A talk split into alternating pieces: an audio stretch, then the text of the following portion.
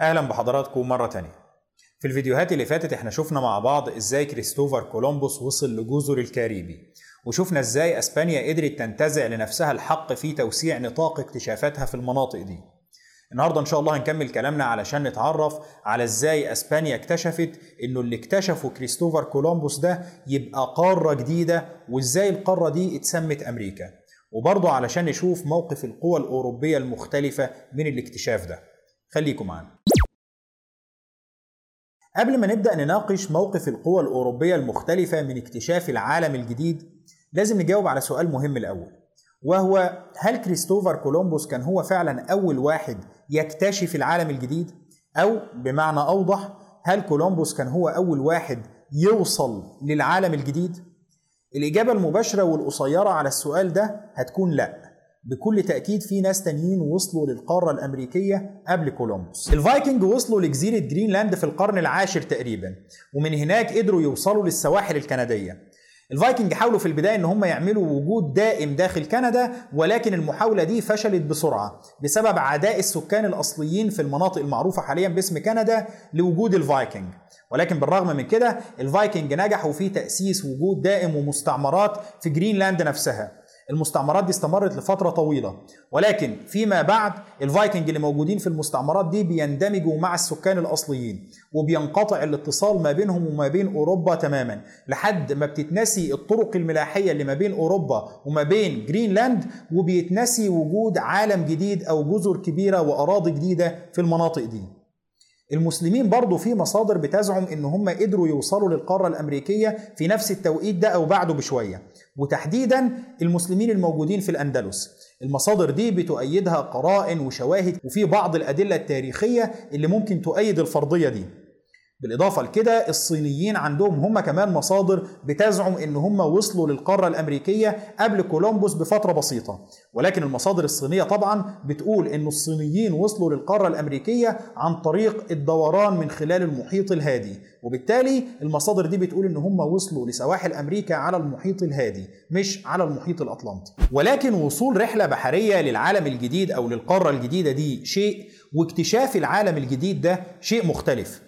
يعني وارد إن في بحارة وصلوا للقارة الأمريكية قبل كولومبوس. وارد كمان إنه أكتر من جهة نجحت في تحقيق الإنجاز ده مش جهة واحدة. ولكن في النهاية المعرفة دي لم تنقل ولم يتم نشرها على نطاق واسع. يعني ما كانش في حد قبل وصول كولومبوس للقارة الجديدة يعرف إن إحنا لو أبحرنا في اتجاه الغرب أو أبحرنا في الاتجاه الفلاني للمدة دي هنوصل لأرض جديدة. ما كانش في حد يعرف ده. ربما ما كانش فيه اهتمام بنقل المعرفة أو ربما اللي وصلوا للعالم الجديد قبل كولومبوس ما كانوش مدركين أهمية العالم الجديد ده ولكن في النهاية المحصلة واحدة وهي أنه قبل إبحار كولومبوس في اتجاه الغرب ما كانش فيه حد يعرف بشكل يقيني أنه الإبحار في اتجاه الغرب هيوصلهم لأرض جديدة. في المرحلة دي المحيط الأطلنطي كان بيتسمى في أغلب المراجع بحر الظلمات. ولكن حتى كريستوفر كولومبوس نفسه لما بيوصل للأرض الجديدة دي ما بيكونش مدرك لأهمية الاكتشاف اللي هو اكتشفه. كولومبوس لما بيوصل هناك بيكون متخيل إن هو وصل لسواحل آسيا وبيفضل على الاعتقاد ده لحد ما بيموت. بالرغم من إنه ما بيقدرش ابدا يوصل للهند زي ما كان متخيل ولكن بيقول إحنا أكيد على سواحل آسيا. ربما مش في الهند نفسها ولكن إحنا قريبين جدا من الهند. ربما نكون أقرب للصين مننا للهند. ولكن في النهاية الراجل بيعيش ويموت متخيل إن هو وصل للسواحل الآسيوية. وما بيكونش مدرك إن ده عالم جديد. عموما بعد كريستوفر كولومبوس ما بتنتشر الأخبار عن الاكتشافات بتاعته دي وبعد البرتغال وأسبانيا ما بيتفقوا مع بعض على إزاي هيقسموا مناطق الاستكشاف ما بينهم. في اتفاقية تورديسياس بتبدأ الدولتين يبعتوا رحلات استكشافية أكتر للمناطق دي. أسبانيا كانت عايزة توسع نطاق سلطتها وتحاول تكتشف أماكن أكتر. خلاص إحنا ما دام اتفقنا مع البرتغال على مناطق نفوذ كل دولة مننا خلينا بقى نبدأ ندور في مناطق النفوذ بتاعتنا اللي هي غرب خط تورديسياس علشان نشوف ممكن نقدر نوصل للهند من الطريق ده. ما دام دي آسيا فعلا نقدر نوصل للهند. أو حتى لو ما وصلناش للهند ممكن نكتشف جزر تانية أو نوصل لمناطق غنية نقدر نستفيد منها. بينما على الجانب الآخر البرتغال كانت بتقول إنه نحاول نستكشف المناطق الخاضعة لنفوذنا المناطق الموجودة شرق خط تورديسياس المناطق دي لو قدرنا نلاقي فيها أي جزر غنية أو ممالك نقدر ننهبها أو حتى لقينا منها طريق آخر للهند غير الطريق اللي إحنا بندور عليه من خلال رأس الرجاء الصالح في كل الحالات إحنا مستفيدين. وبالفعل الدولتين بيستمروا في إرسال المزيد من البعثات الاستكشافية للمنطقة دي. واحد من البحارة اللي بيشاركوا في البعثات دي بيكون بحار من أصول إيطالية اسمه أميريجو فيسبوتشي. الراجل بيشارك في رحلتين مؤكدتين على الأقل للمنطقة دي. منهم رحلة تابعة لأسبانيا سنة 1499 ورحلة تانية تابعة للبرتغال سنة 1501 في الرحلات دي فيسبوتشي بينجح في الوصول لساحل أمريكا الجنوبية وبينجح في استكشاف منطقة خليج المكسيك. ولكن النقطة المهمة بالنسبة لأميريجو فيسبوتشي ما بتكونش هو اكتشف أي مناطق في القارة الجديدة دي. لا النقطة المهمة بالنسبة له بتكون إنه الراجل ده كان مقتنع إن إحنا مش على سواحل آسيا. فيسبوتشي كان مقتنع إن إحنا لسه ما وصلناش لآسيا. وإنما اللي إحنا بنستكشف فيه ده كله هو قارة جديدة موجودة في منتصف الطريق ما بين أوروبا وما بين آسيا.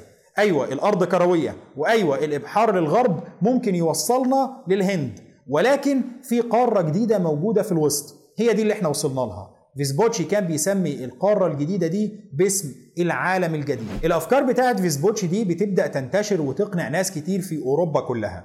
من ضمن الناس اللي بيقتنعوا بأفكاره في أوروبا بيكون عالم ألماني اسمه مارتن والتسي مولر.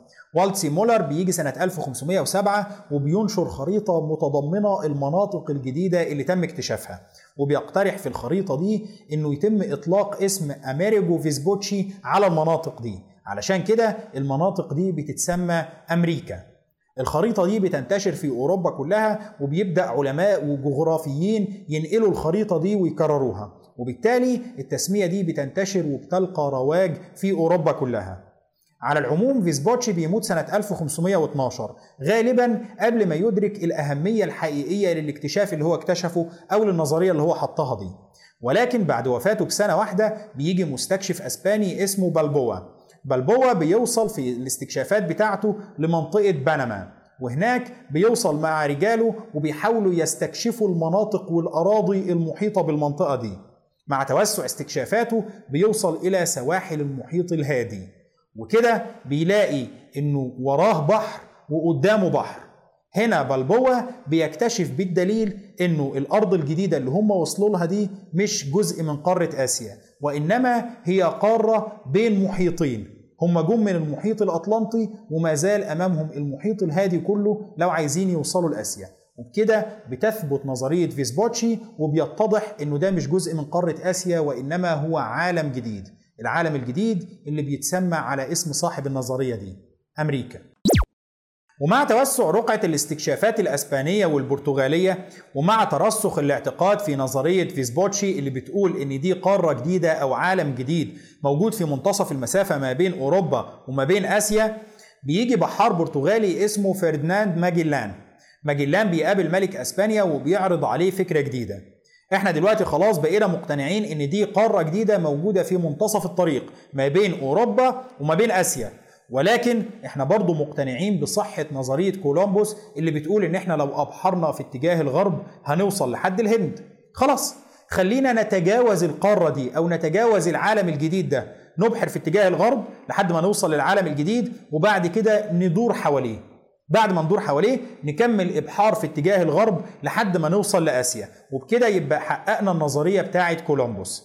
ملك أسبانيا بعد شوية تفكير بيوافق على الاقتراح ده وبيوافق على تمويل الحملة بتاعه ماجلان وبالفعل في شهر سبتمبر سنة 1519 بتنطلق الحملة بقيادة فرديناند ماجلان علشان توصل للهند. علشان تدور حوالين العالم الجديد وتوصل بعده للهند. الأسبان هنا كانوا بيحاولوا يعملوا زي البرتغاليين ما عملوا لما اكتشفوا طريق رأس الرجاء الصالح إلى الهند.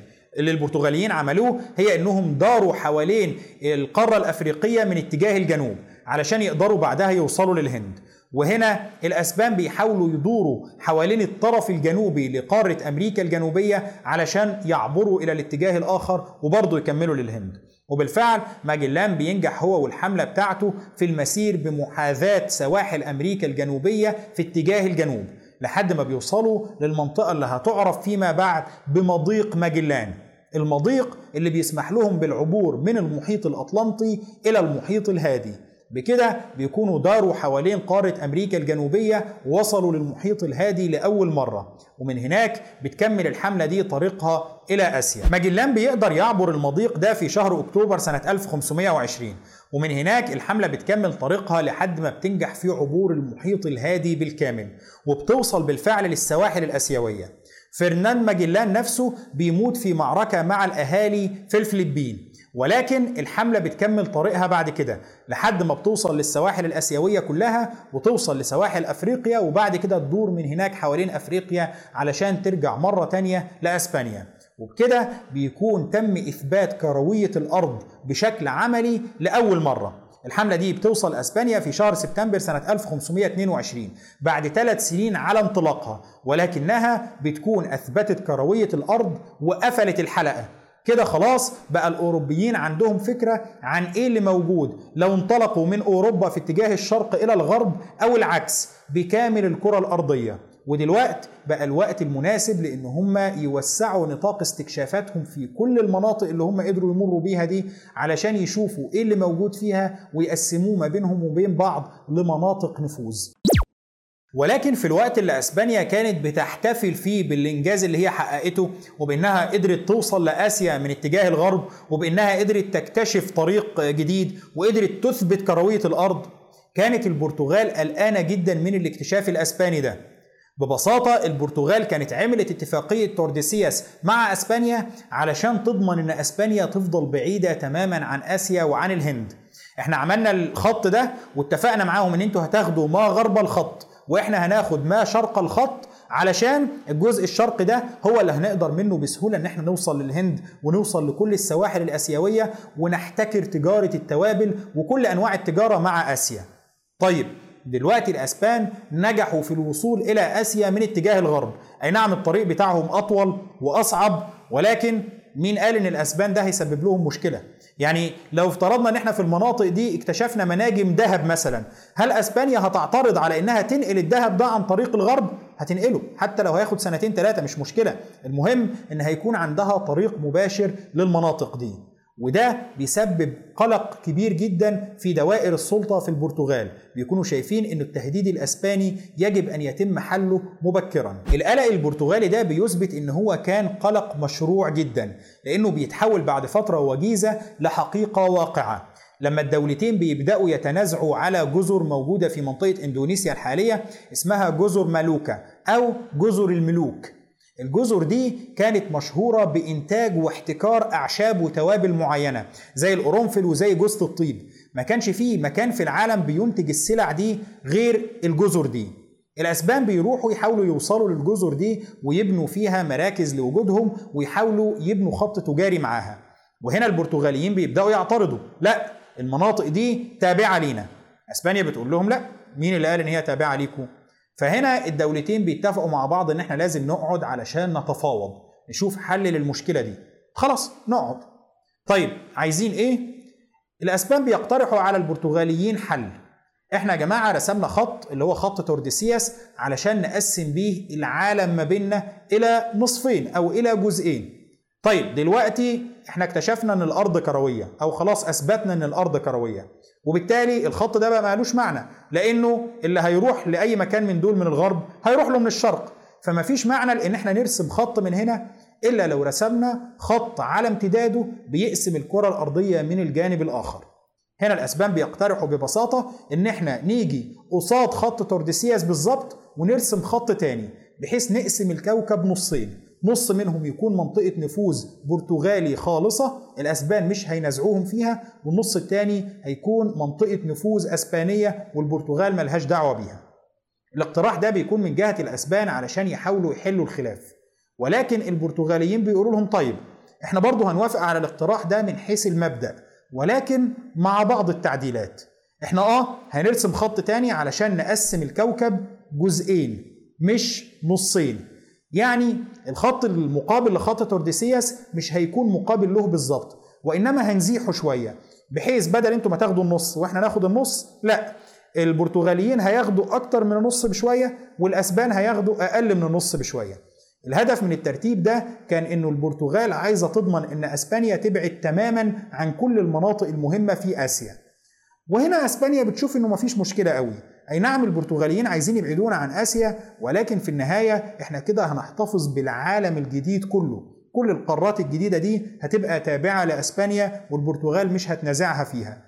هنا الدولتين بيشوفوا إن ده ترتيب مناسب خاصة وإنه البلاط الأسباني كان ارتبط بعلاقات مصاهرة ونسب مع البلاط البرتغالي. فبيقولوا بدل ما نحارب بعض خلينا نتفق. وتتويجا للاتفاق ده الدولتين بيوقعوا بالفعل معاهدة اسمها معاهدة ساراجوستا أو معاهدة سارقسطة المعاهدة دي بيتم توقيعها سنة 1529 وفي المعاهدة دي كل دولة منهم بتكون عارفة منطقة النفوذ بتاعتها وبتوافق على إن هي لن تنازع الدولة الأخرى في منطقة نفوذها.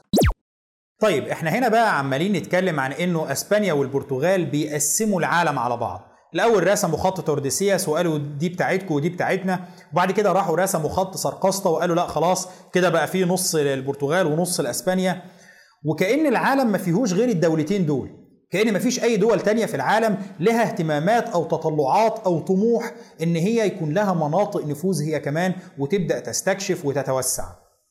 ولكن الحقيقة كانت غير كده. كان في دول تانية والدول التانية دي كل واحدة منها حاولت تحصل لنفسها على موطئ قدم في العالم الجديد.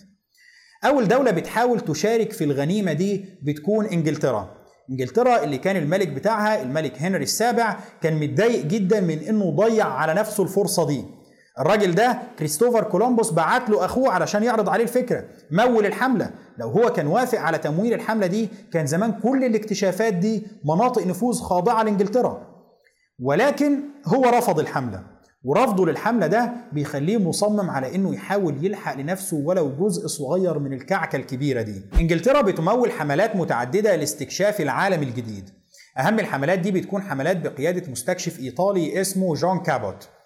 الحملات بتاعت جون كابوت مفيش معلومات دقيقة قوي عنها ولكن عموما التفاصيل المتاحة بتقول إن الحملات دي حصلت على الأغلب في الفترة من 1497 لحد سنة 1500 وانه الحملات دي نجحت في الوصول لمنطقة خليج هدسون ومنطقة نيو فاوندلاند الموجودة حاليا في كندا. التوسعات الإنجليزية أو الاستكشافات الإنجليزية دي لاحقا بتبدأ تعمل مشاكل مع أسبانيا اللي بتشوف في الوجود الإنجليزي تهديد لنفوذها. ولكن على الجانب الآخر في المرحلة دي إنجلترا بتقول لهم إنه هي غير ملزمة بالموافقة على الاتفاقات اللي تم عقدها ما بين أسبانيا والبرتغال.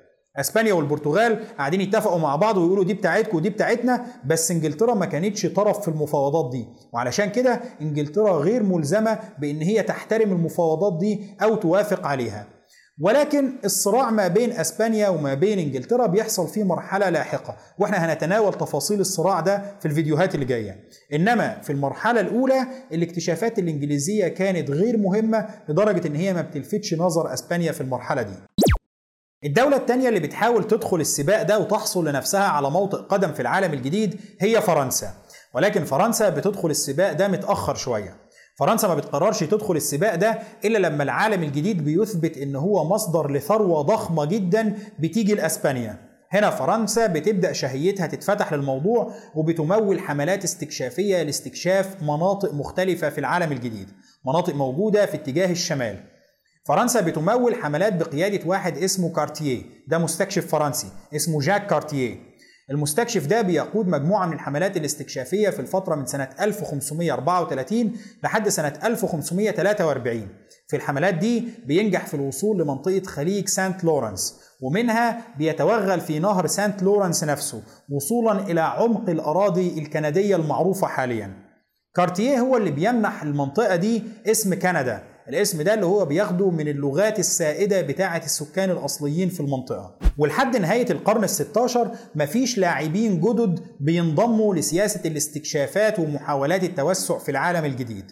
أيوه بعد القرن ال16 بداية من القرن ال17 بيبدأ مجموعة من اللاعبين الجدد يدوروا لنفسهم هم كمان على موطئ قدم. ولكن عموما دخولهم للعبة ما كانش مؤثر قوي وهنتناول دورهم في مرحلة لاحقة. ولكن طوال القرن ال16 ما كانش فيه غير الأربع دول دول هم اللي بيحاولوا يتنافسوا على إيجاد موطئ قدم في العالم الجديد ومحاولة استكشاف العالم ده والحصول على أكبر قدر ممكن من الثروات منه. الأربع دول دول اللي هم أسبانيا والبرتغال وإنجلترا وفرنسا. بس إيه السبب؟ يعني مثلا ليه باقي الدول الأوروبية ما فكرتش إن هي تروح تساهم في استكشاف العالم الجديد ده وتحاول تشارك أسبانيا والبرتغال في ثرواته؟ ليه دول زي النمسا وزي ألمانيا وزي هولندا ما فكرتش إن هي تروح تعمل مستعمرات هناك. أو مثلا ليه دولة زي الدولة العثمانية ما فكرتش إن هي تروح تحاربهم هناك وتنتزع منهم مجموعات من الأراضي دي وتسيطر عليها. خلينا نبدأ بالإجابة الأسهل والأوضح اللي هي المتعلقة بالدول الأوروبية التانية. اللي حصل إنه بعد وفاة فرناندو وإيزابيلا العرش الأسباني كان المفترض ينتقل لبنتهم اللي هي خوانا الأولى. ولكن خوانا الأولى كانت تعتبر مجنونة أو مهرطقة. قواها العقلية كان بيتم التشكيك فيها باستمرار لأن هي ما كانتش بتحضر الطقوس الدينية ولا القداسات في الكنائس وكان ليها بعض الآراء اللي خلت رجال الدولة في أسبانيا كلهم غير راضين عن توليها للعرش. وعلشان كده العرش بينتقل بشكل فعلي لابنها شارل الخامس. شارل الخامس اللي هو حفيد فرديناندو وإيزابيلا من بنتهم خوانا الأولى واللي هيحكم أسبانيا كلها مشاركة مع أمه وبعد كده هيحكمها بشكل منفرد. ولكن شارل الخامس ما بيحكمش أسبانيا بس لأنه إن كان جده لأمه هو فرديناند وإيزابيلا فجده لأبوه كان الإمبراطور ماكسيميليان الأول إمبراطور الإمبراطورية الرومانية المقدسة وده اللي كان بيحكم وسط أوروبا كله. وبوفاة الإمبراطور ماكسيميليان الأول بينتقل لقب وحكم الإمبراطورية الرومانية المقدسة برضه لشارل الخامس اللي هو هيعرف فيما بعد باسم شارل كان. وبكده بقى في شخص واحد بيحكم تقريبا أغلب أجزاء أوروبا. شارل الخامس كان بيحكم أسبانيا وكان بيحكم النمسا وألمانيا ونابولي وهولندا. كل المناطق دي كانت خاضعة لحكم نفس الشخص. وعلشان كده ما بيحصلش منافسة كبيرة ما بينهم. أسبانيا بتبدأ تتوسع في العالم الجديد بينما ألمانيا أو النمسا الخاضعين لشارل الخامس مش هيروحوا ينافسوا أسبانيا الخاضعة لشارل الخامس. فيما بعد شارل الخامس ده بيقسم ممتلكاته على أبنائه وبتنقسم أسرة الهابسبرج لفرعين. فرع منهم بيحكم أسبانيا وممتلكاتها فيما وراء البحار والفرع الثاني بيحكم وسط أوروبا. ولكن باعتبار إن برضو دول فرعين لأسرة واحدة ما بيحصلش صراع نفوذ ما بينهم وما بين بعض على العالم الجديد. خصوصا إنه حتى بعد انفصالهم بتبقى أسبانيا محتفظة بالقوة البحرية الأكبر بينما النمسا وألمانيا بتكون قوتها البحرية محدودة جدا وغير كافية إن هي تفكر في مغامرة زي استكشاف وغزو العالم الجديد. طيب وبالنسبة للعثمانيين المفترض إن العثمانيين عندهم دوافع متعددة تخليهم يروحوا يحاربوا الأسبان والبرتغاليين. من ناحية أكيد عندهم دوافع دينية. الدوافع الدينية دي هيكون سهل جدا إن هي توجههم في اتجاه الحرب على أسبانيا والبرتغال. ومن ناحية تانية المفترض إن العثمانيين يروحوا يحاربوا في أمريكا علشان يحصلوا لنفسهم على قدر من المنافع الاقتصادية الضخمة اللي كانت موجودة في العالم الجديد. ولكن الأمور ما كانتش بالبساطة دي. في البداية الدولة العثمانية اصطدمت بالدولة المملوكية سنة 1516 و 1517 ونجحت بالفعل في هزيمة الدولة المملوكية بشكل كامل سنة 1517 وبالتالي قدرت تسيطر على كل الأراضي اللي كانت تابعة ليها. الأراضي دي اللي كانت بتشمل مصر والشام والحجاز. وبكده الدولة العثمانية توسعت بحيث إن هي بقت أكبر دولة إسلامية سواء من ناحية المساحة أو من ناحية القوة والنفوذ والقوة العسكرية. في السنوات اللي بعد كده العثمانيين بينشغلوا في محاولة بسط سيطرتهم على باقي الشمال الأفريقي وتحديدا منطقة الجزائر الحالية اللي كانت منطقة مهمة جدا وكانت مسرح لصراع نفوذ ما بين العثمانيين وما بين الأسبان. ولكن في النهاية العثمانيين بينجحوا في بسط سيطرتهم عليها وبتنضم الجزائر للدولة العثمانية. ضم الجزائر بيكون خطوة مهمة جدا في ترسيخ السيادة العثمانية في جنوب البحر المتوسط. الخطوة دي اللي بتخلي العثمانيين يقدروا ينافسوا الأسبان بقوة خصوصا أنه في نفس التوقيت اللي الدولة العثمانية كانت بتبسط سيطرتها فيه على الجزائر كانت منهمكة في بناء قوة بحرية ضخمة. القوة البحرية دي اللي هي كانت ممكن تسمح لها بغزو العالم الجديد وبالتوسع فيه. طيب هنا العثمانيين من الناحية الفنية على الأقل بقى عندهم المقدرة على الإبحار للعالم الجديد.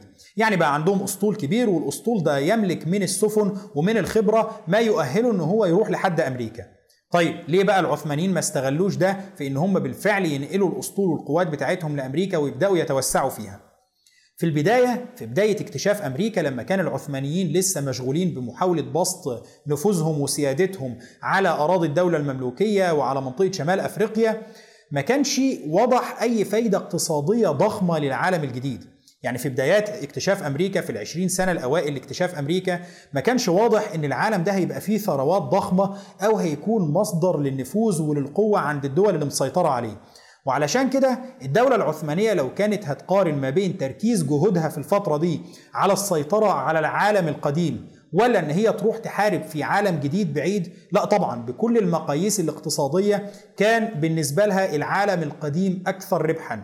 اللي سيطر على مصر ولا الشام ولا بلاد الحجاز ولا شمال أفريقيا في الوقت ده كان هيحصد من وراه ثروة ضخمة جدا. وبالفعل لما العثمانيين قدروا يسيطروا على المناطق دي الدولة العثمانية كانت أغنى من أي دولة أوروبية بلا منازع. بل وثروتها أو الناتج الإجمالي بتاعها كان يتجاوز الثروة بتاعة ثلاث أو أربع دول أوروبية مجتمعة. وعلشان كده في البدايات ما كانش فيه أي دافع اقتصادي ممكن يخلي العثمانيين يفكروا إن هم يروحوا للعالم الجديد ويحاربوا هناك. كان الأهم بالنسبة لهم هو بسط سيادتهم ونفوذهم على العالم القديم المعروف بالفعل. ولكن بحلول الوقت اللي العثمانيين كانوا نجحوا فيه في السيطرة على شمال أفريقيا وعلى الدولة المملوكية خلاص بقت مصر تابعة ليهم وبقت الجزائر تابعة ليهم.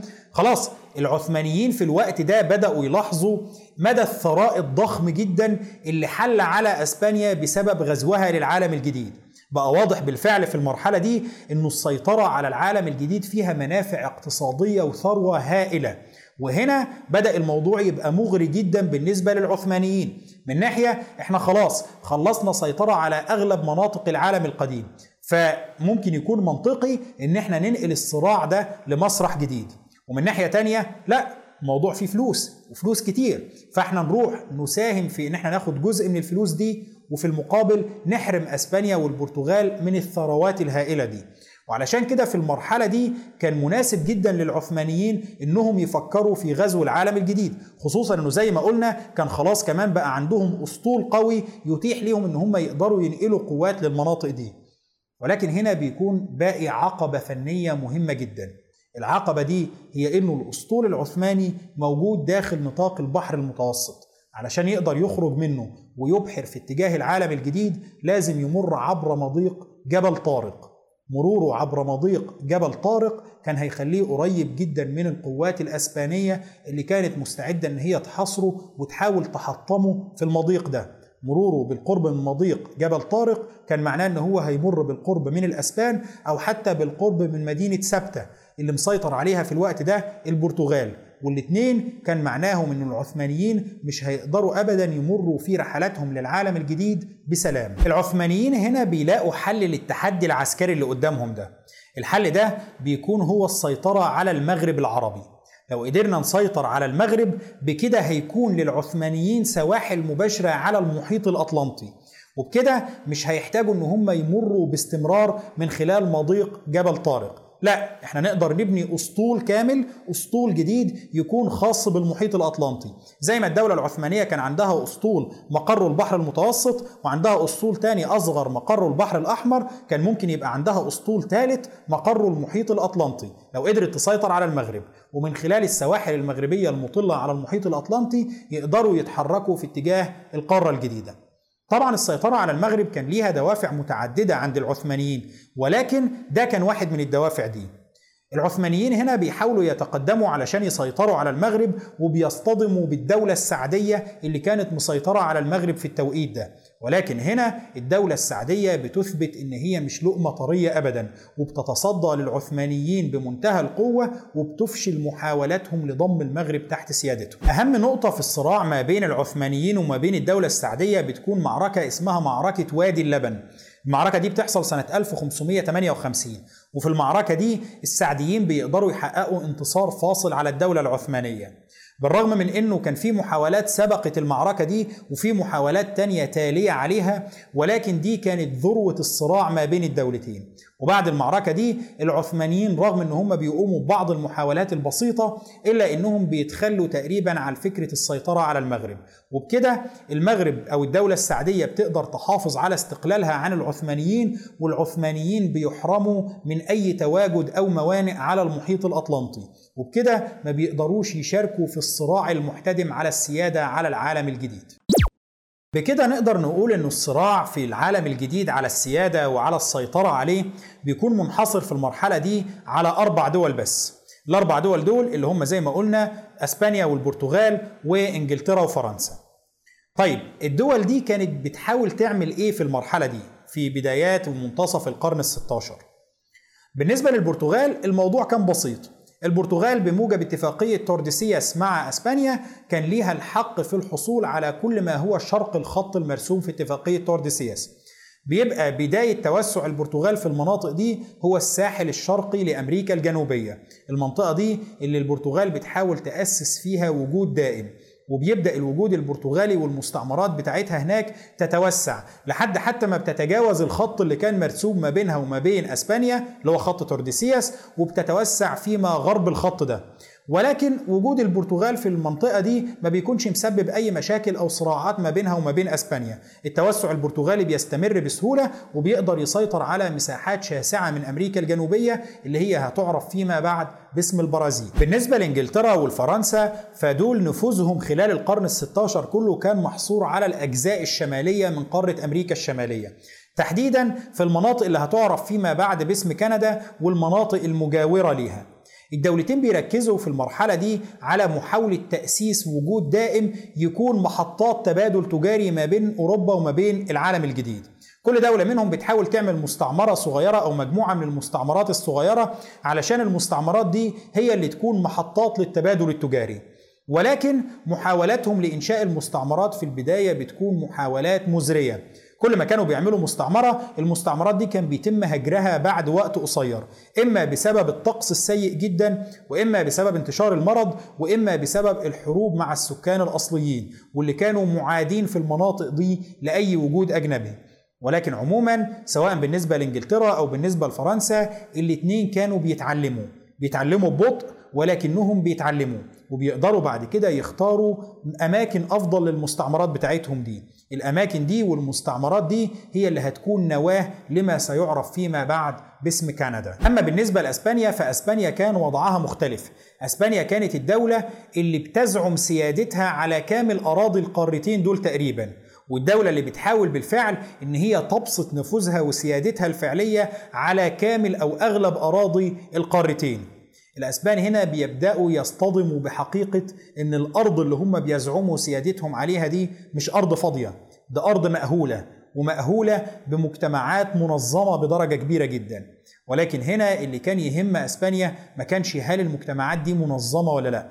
اللي كان يهم أسبانيا بشكل كبير جدا هو المجتمعات دي غنية ولا لأ. الاسبان هنا بيكتشفوا إنه في مجتمعات غنية كتيرة جدا موجودة في القارتين. وبيحاولوا بالفعل إن هم ينهبوا منها قدر الإمكان. هنقف لحد هنا النهارده إن شاء الله والأسبوع الجاي إن شاء الله هنكمل كلامنا علشان نتعرف على معاملة الأسبان للسكان الأصليين في القارة الجديدة. شكرا لحضراتكم وإن شاء الله نكمل كلامنا الأسبوع اللي جاي.